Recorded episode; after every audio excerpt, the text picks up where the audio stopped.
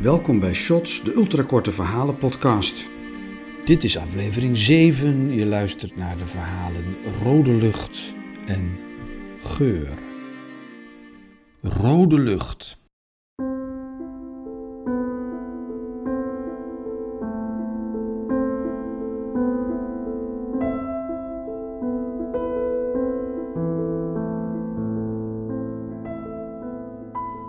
De muur houdt alles tegen, merkt Heda, als ze door het poortje van roest is gestormd.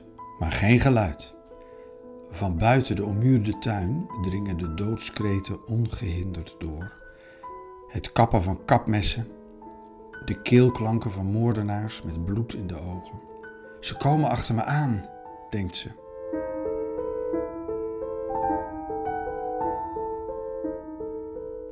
Over gras en door struikgewas rent Heda en langs bomen. Maar te snel al bereikt ze de andere zijde.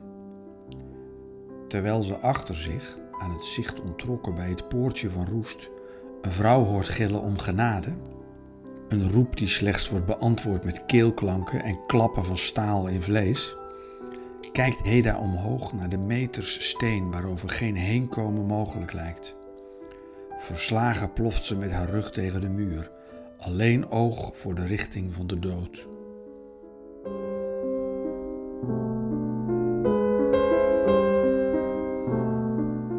Toch is het de bloemengeur die haar het eerste treft. Zoet en warm, met vleugjes koelte, danst het om haar heen. En nu pas merkt ze de bloemenzee op die langs de muur omlaag hangt Lange slierten klimop met trossen bloemen in elke denkbare kleur en groot en klein door elkaar. Kelken omlaag en vooruit en omhoog en het zoemen van insecten.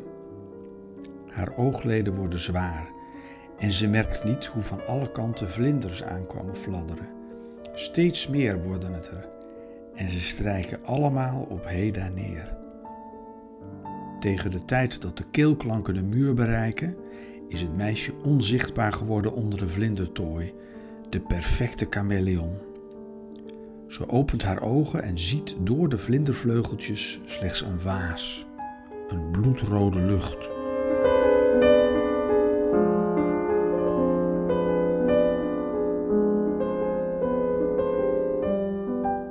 Geur. Ook toen Jack al lang dood en begraven was, rook Hilde hem nog. In huis, in de schuur, in de slaapkamer, shit, zelfs op de doos stonk het nog steeds naar die lantefantende halve garen. Die loser, die, die... Oh Jack, waarom moest je zo ongelooflijk dom zijn? Dommer dan de varkens achter op het erf van die handtastelijke boer een eindje verderop. En zeker dommer dan de kraaien in de tuin. Laatst was ze bezig geweest Jack's kleren op een stapel te gooien en er de fucking hens in te steken. En toen namen die kraaien allemaal in één beweging de vleugels. Eén snuif van de geur van het eerste stapeltje kleren en ze waren er klaar mee. Zo erg had hij gestonken. Al een week onder de grond en nog was alles wat hij achterliet te vies voor de kraaien dat Jack kraaien had doodgeschoten en onthoofd en gespiest en overreden bij de vleet, vergat ze gemakshalve. Kraaien hadden net zoveel redenen om Jack te haten als Hilde. Jack had niet altijd gestonken. Voordat hij het had aangelegd met de meid van die handtastelijke boer, Annemarie, had er geen vuiltje aan de lucht geleken en was zijn geur al genoeg om haar wild te maken en vreden ze in het hooi of aan de slootkant, maakte niet uit. De dokter had gezegd dat de geuren in haar hoofd zaten, dat ze beter kon verhuizen. Misschien had hij gelijk.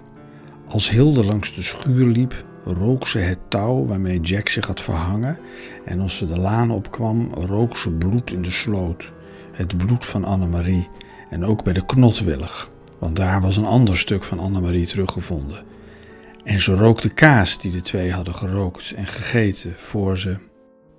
Nou ja.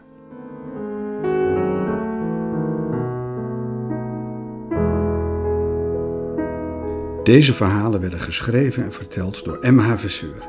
De muziek, de etude voor piano, opus 39 nummer 2 in A mineur van Sergei Rachmaninov, werd speciaal voor deze podcastserie gespeeld en geproduceerd door Jeroen van Veen in de volgende Shots podcast weer twee ultrakorte verhalen.